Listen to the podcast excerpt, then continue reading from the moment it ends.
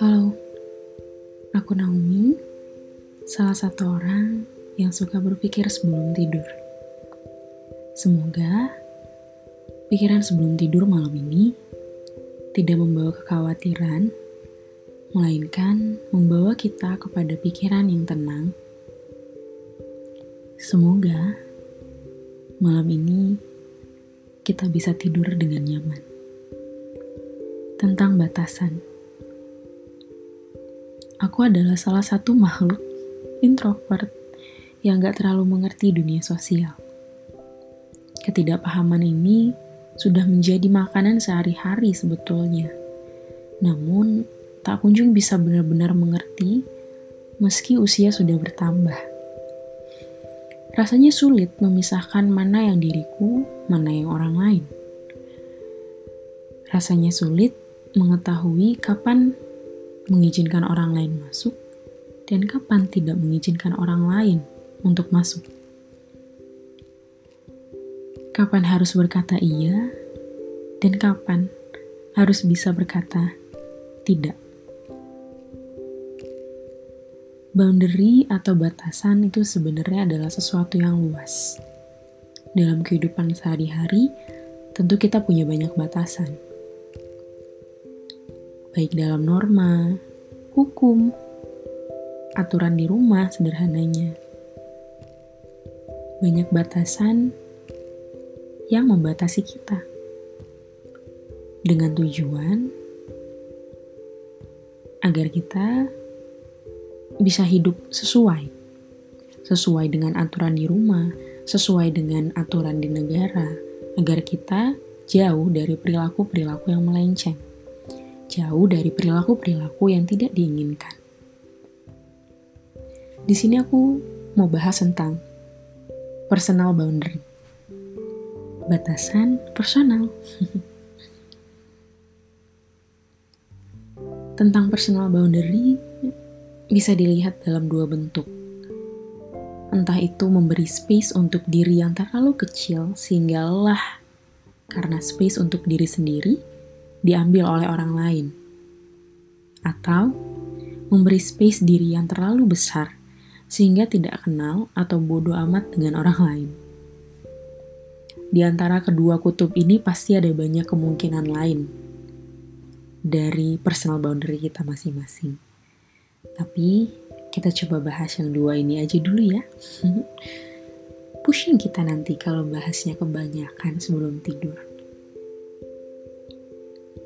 Untuk hidup di dalam dunia sosial itu udah menjadi tantangan buatku dari dulu sebetulnya. Mulai dari gampang dibohongin, terlalu kritis, sulit percaya, terlalu percaya, bagaimana harus merespon, gimana kalau udah direspon, terlalu jujur.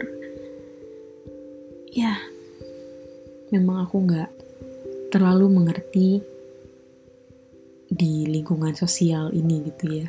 Makanya dari dulu hanya punya sedikit teman-teman dekat. Untuk bergaul luas apakah bisa? Bisa sih. Tapi sulit. Gak tahu caranya, biasanya selalu punya teman backup gitu. Adakah yang merasakan hal yang sama? ya.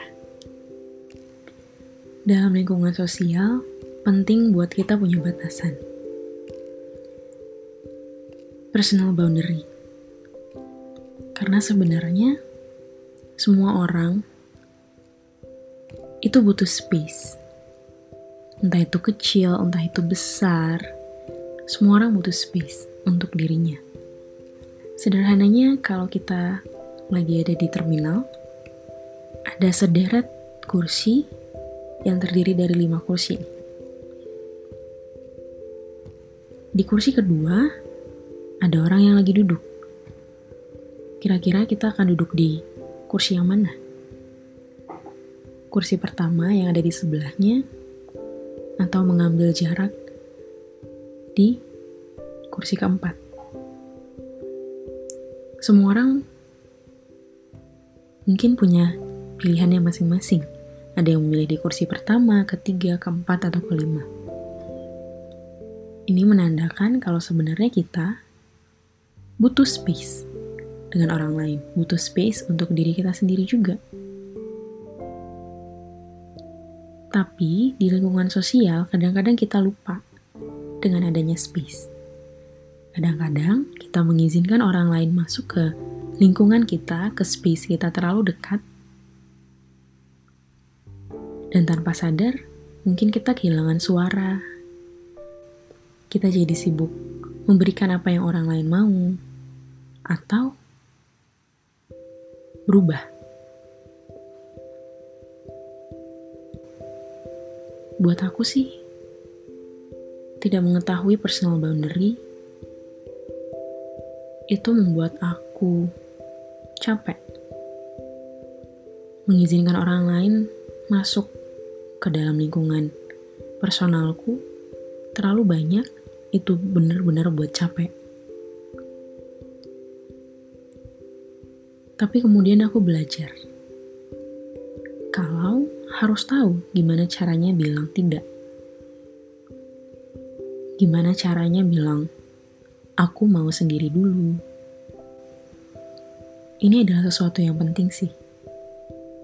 Karena sekali lagi, waktu kita bisa membuat boundary untuk diri kita sendiri, kita sedang menghormati diri kita sendiri. Gak apa-apa kok untuk bilang enggak. Gak apa-apa kok untuk punya waktu dengan diri sendiri. Gak apa-apa kok untuk mengambil keputusan yang berbeda dari orang lain. Kita bisa kok menentukan apa yang kita mau dan apa yang kita tidak mau. Di sisi lain, boundary juga menjadi batasan buat kita untuk memasuki lingkungan orang lain. Dalam arti kata, kadang-kadang waktu kita gak tahu boundary kita dan gak tahu boundary orang lain, kita bisa jadi egois, memaksakan apa yang kita mau buat orang lain.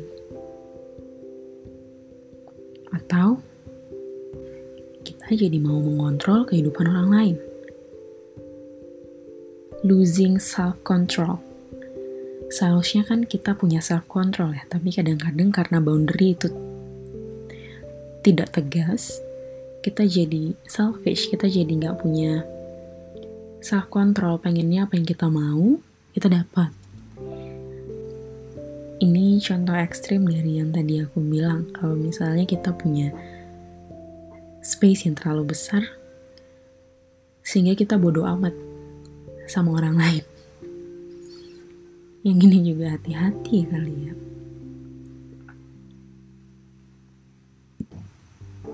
Boundary itu juga bicara gimana kita menghormati orang lain.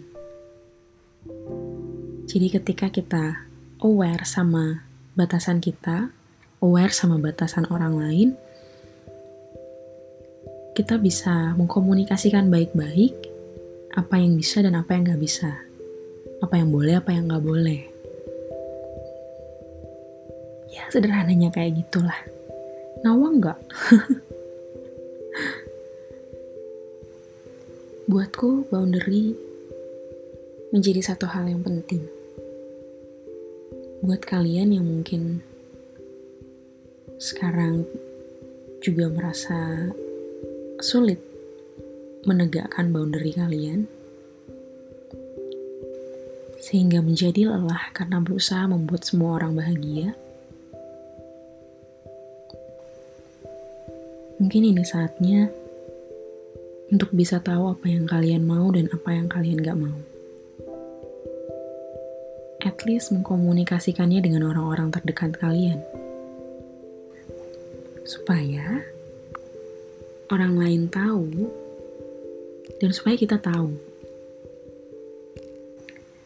Ya, bukan berarti juga ketika kita membuat batasan untuk diri kita sendiri, kita push away orang lain, kita jadi tidak peduli dengan orang lain, bukan.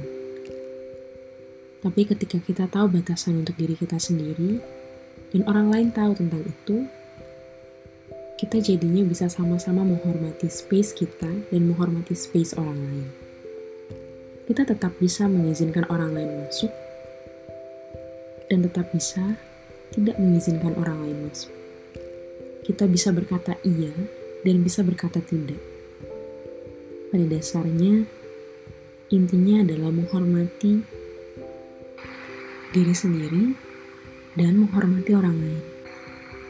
Itu aja cerita tentang batasan hari ini. Semoga kita sama-sama bisa menghormati diri sendiri dan menghormati orang lain. Dan semoga malam ini semuanya bisa tidur dengan nyaman. Selamat tidur.